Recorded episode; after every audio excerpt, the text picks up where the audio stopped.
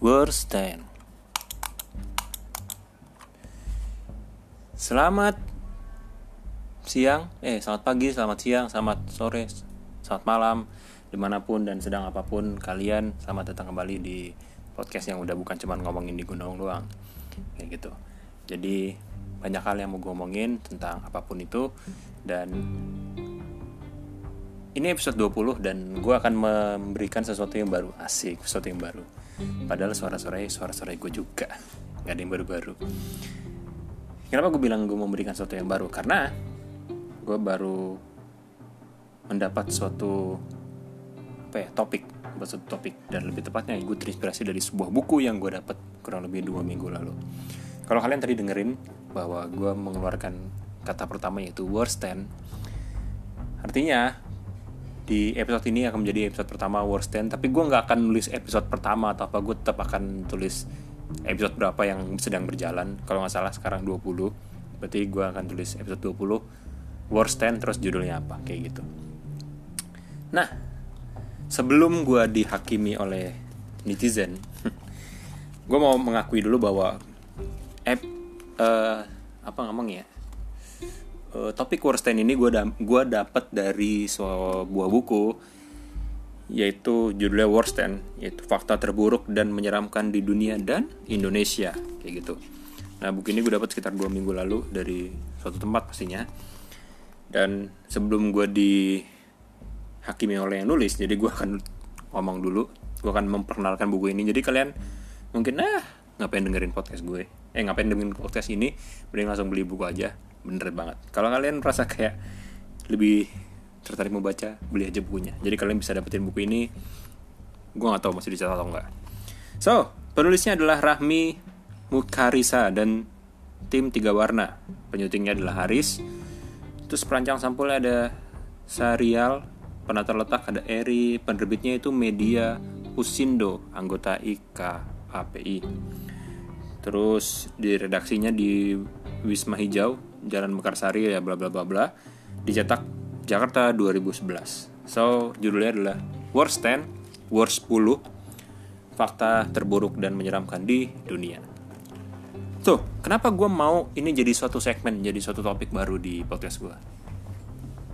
Karena setelah gue baca, ini pertama, pertama, yang pastinya adalah ini memberikan ilmu pengetahuan. Dan kedua, ini kocak.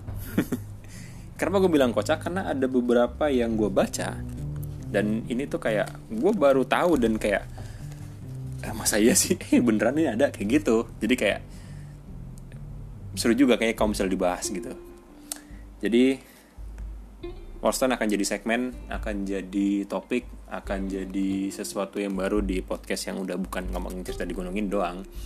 Tapi jujur di dua mingguan, mungkin dua mingguan, tiga minggu ini, gue akan mulai berpikir untuk kembali lagi membahas tentang gunung.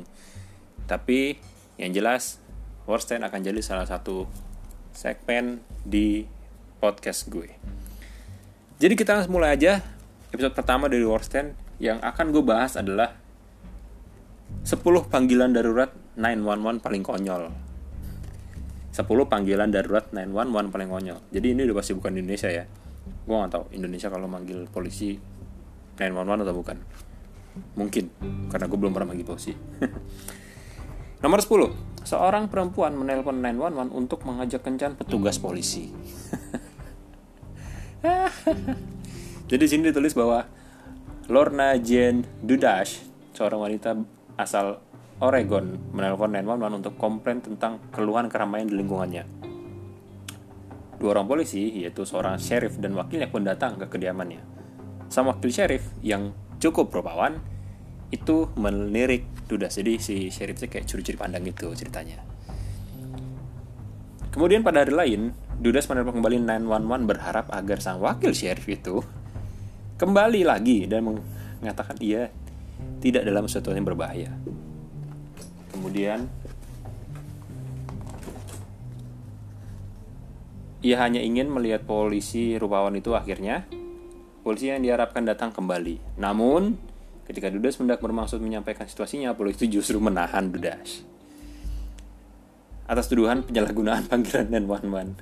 Kini perempuan itu mesti membayar dengan ganti rugi ribuan dolar dan masuk penjara lebih dari setahun.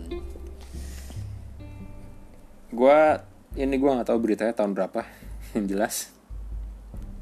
Kalau seandainya pada saat udah ada Android ya, atau ini beritanya belum lama-lama banget, kenapa lu nggak download di aplikasi dating online aja gitu? Ini polisi yang bertelepon gitu. Terus teleponnya ke 911 lagi. Mungkin maksudnya supaya dia datang lagi terus minta nomor teleponnya kali kayak gitu maksudnya mungkin gue nggak tahu juga nomor 9 perempuan yang menelpon 911 setelah ia terkunci dalam mobilnya perempuan asal Florida menelpon 911 karena ia terkunci dalam mobilnya sebenarnya nih sebenarnya yang ia perlu lakukan adalah menarik kunci pintu otomatis secara manual Perempuan yang belum diketahui identitasnya itu memarkirkan mobilnya di depan toko Walgreen di Kissimmee. Mesin mobil saya tak mau menyala, katanya.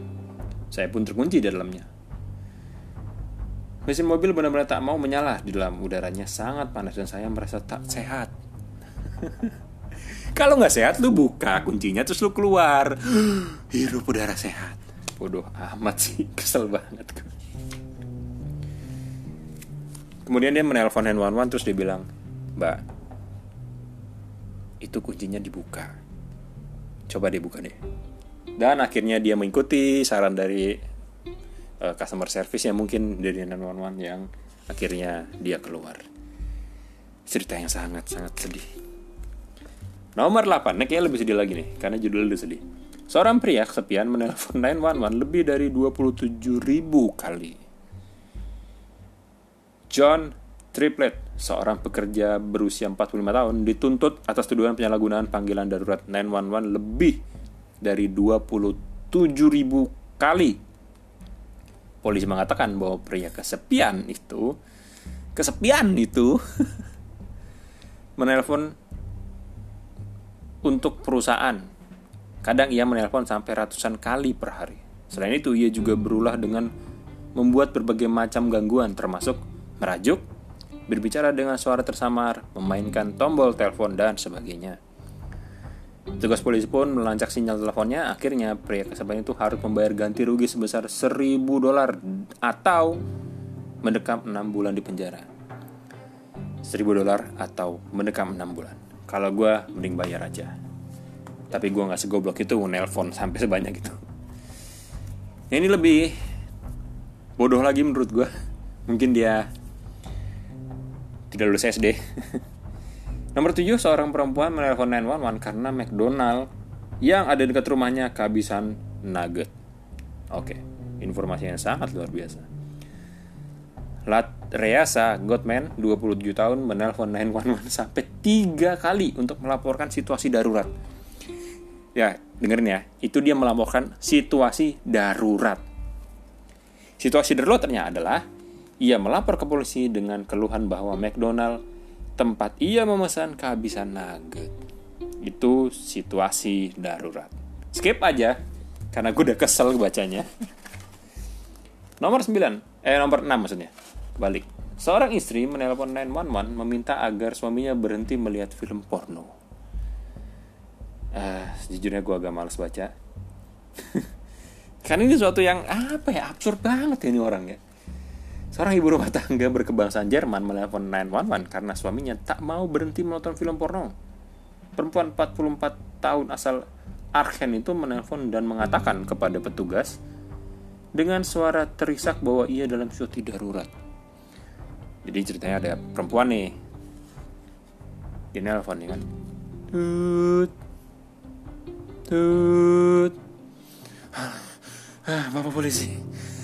Bapak polisi tolong saya Terus, ya ibu tahan sedulu, tarik nafas. Ada apa? Ada apa ibu? Bapak polisi tolong saya. Suami saya. Suami saya bapak polisi. Ya ibu sabar sabar. Ngomongnya yang tenang. Ditarik nafas dulu. Kita akan berusaha untuk membantu ibu dengan baik. Iya suami saya. Ada apa dengan suami ibu? Dia tidak berhenti nonton film porno. Oke. Ibu lebih baik sekarang tutup teleponnya Ibu datangi suami ibu dan bilang sama dia, mendingan main sama saya daripada harus nonton film porno. Begitu aja. Aduh, saat petugas polisi tiba, mereka menjumpai perempuan itu dan mengendap-endap di apartemennya. Sementara sang suami 40, 46 tahun duduk di depan televisi melihat film porno. Para petugas polisi menjelaskan kepada sang istri tak ada satupun yang salah dalam kasus ini. Akhirnya mereka menyarankan perempuan ini untuk berkonsultasi ke psikiater. Lanjut saja. Seorang bocah 4 tahun menghubungi 911 karena tak bisa menjawab soal matematika. Nah, ini adalah sesuatu yang uh, revolusioner. Sungguh luar biasa. Bagi siapa pun kalian yang mungkin sekarang masih SMA atau SMP, ini bisa dicoba. Seorang bocah berumur 4 tahun biasa dipanggil Johnny menghubungi 911 saat dia membutuhkan bantuan untuk menyelesaikan pekerjaan rumah matematikanya. Anehnya, sang petugas petugas telepon benar-benar membantu bocah tersebut. Benar-benar dibantu. Ya sekarang soal berapa? Ya, berapa itu soalnya? Nah, coba sekarang kalau dua apel ditambah dua apel berapa? Mungkin kronologinya seperti itu. Kita mau lanjut nomor 4. Seorang perempuan menelpon 911 karena kekurangan udang di dalam nasi gorengnya. Um, gue baca aja langsung. Aduh. Gue ini aneh, makin aneh ya sini. Seorang perempuan di sebuah restoran menelpon Mama untuk melapor bahwa ia tak mendapatkan udang sebanyak yang dia inginkan dalam nasi gorengnya. Pelanggan yang marah itu berkata kepada tutus polisi, "Butuh polisi segera di sini." Pela pelanggan itu juga berkata, "Mereka tak memberi udang tambahan di piring saya."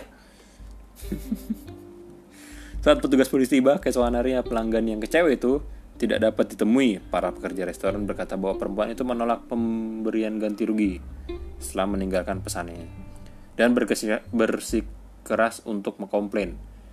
Tukang masak restoran juga mengatakan tak ada yang salah dengan masakannya. Oke. Sampai situ saja. Nomor tiga, sepasang kasih menghubungi 911 untuk menghangatkan kaki yang kedinginan.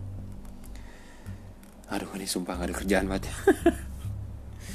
Seorang perempuan menghubungi panggilan darurat 911 lokal di China untuk men setelah kekasihnya menolak untuk mengangkatkan kakinya yang kedinginan. Petugas polisi Xiangdeng di Ningbo menerima dua panggilan semacam itu. Pertama dari seorang perempuan yang mengeluh karena kekasihnya menolak mengangkatkan kakinya. Panggilan lainnya dari seorang pria yang mengatakan bahwa pacarnya terlalu banyak menuntut. Aduh, mungkin ini adalah kisah lama sih kalau gue bilang karena mungkin ya ini masih mending cuman sekedar menghangatkan kakinya doang dan si cewek cowoknya bilang si ceweknya banyak nuntut padahal cuman minta hangatin kakinya doang ya coba cewek zaman sekarang oke nggak usah dilanjutin gue ngomongnya Deng akhirnya pergi menuju ke sebuah apartemen sewaan dekat Universitas Ningbo berupaya menyelesaikan pekerjaan mengangkatkan kaki seorang perempuan. Pasangan kasih itu pun akhirnya mau menyampaikan perbedaan di antara mereka dan berterima kasih kepada petugas Deng karena telah berusaha payah datang. Terima kasih petugas Deng. Kita tepuk tangan petugas Deng. Masuk nomor 2. Seorang pria menghubungi 911 karena ditolak masuk ke sebuah klub malam. Oh, jadi dia uh, kayak itu tuh yang di SpongeBob SquarePants Seberapa kuat kamu? Tadi pagi saya makan sarapan sereal tanpa susu. seberapa kuat kamu? Seorang pria di Beaverton, Oregon menelpon 911 karena saat sebuah klub malam menolak menerimanya masuk karyawan klub malam The Caribbean Beaverton berkata bahwa mereka tak membiarkan pria bernama Edgar Lopez karena kondisinya mabuk berat. Petugas di telepon menjelaskan bahwa pihak klub telah bertindak benar. Petugas polisi kemudian menelpon, uh, menemukan kokain pada tubuh Edgar Lopez. Akhirnya pria itu ditangkap atas tuduhan pemilikan obat-obatan terlarang. Ah, sama aja kayak bunuh diri nih Edgar. Nomor satu, ini nomor terakhir satu nih. Seorang pria yang sedang dikejar polisi mencoba menipu dengan menelpon 911. Luar biasa sekali. Dia pikir polisinya nggak tahu. Jadi gini ceritanya. Seorang pria berusia 28 tahun asal Sarasota mencoba menipu polisi dengan membuat panggilan 911 palsu. Ketika beberapa petugas polisi sedang membuntuti pria itu, mereka mendapatkan panggilan 911 sebuah perampok bersenjata di beberapa blok di depannya. Awalnya rencana pria itu berhasil saat polisi menghentikan pengejarannya terhadapnya dan menanggapi panggilan darurat palsu tersebut. Namun petugas polisi lainnya masih membutuhkan pria itu sampai di tempat parkir dan segera mengacungkan pistol ke mobilnya. Saat pria itu ditangkap, petugas menemukan panggilan 911 berasal dari pria tersebut. Oke. Jadi polisinya nggak goblok-goblok banget. Yang gobloknya adalah perampoknya. Coba dia telepon siapa gitu misalnya. Misalnya dia nelpon The Flying Dutchman-nya SpongeBob gitu. Siapa tahu kan tiba-tiba keluar tsunami. Oke, itu episode pertama, lanjutan episode 20 nya podcast ini dan itu pertama dari Warsten. Gue harap bisa menghibur dan gue harap bisa ngebuat sedikit ceria di hari kalian di mana pun dan kapan pun kalian dengerin. Akan lagi episode dari Warsten, jadi tungguin aja. Thank you banget udah dengerin terus podcast yang udah nggak cuman sekedar ngomongin cerita di gunung doang. Oke? Okay? See you next time. Bye bye.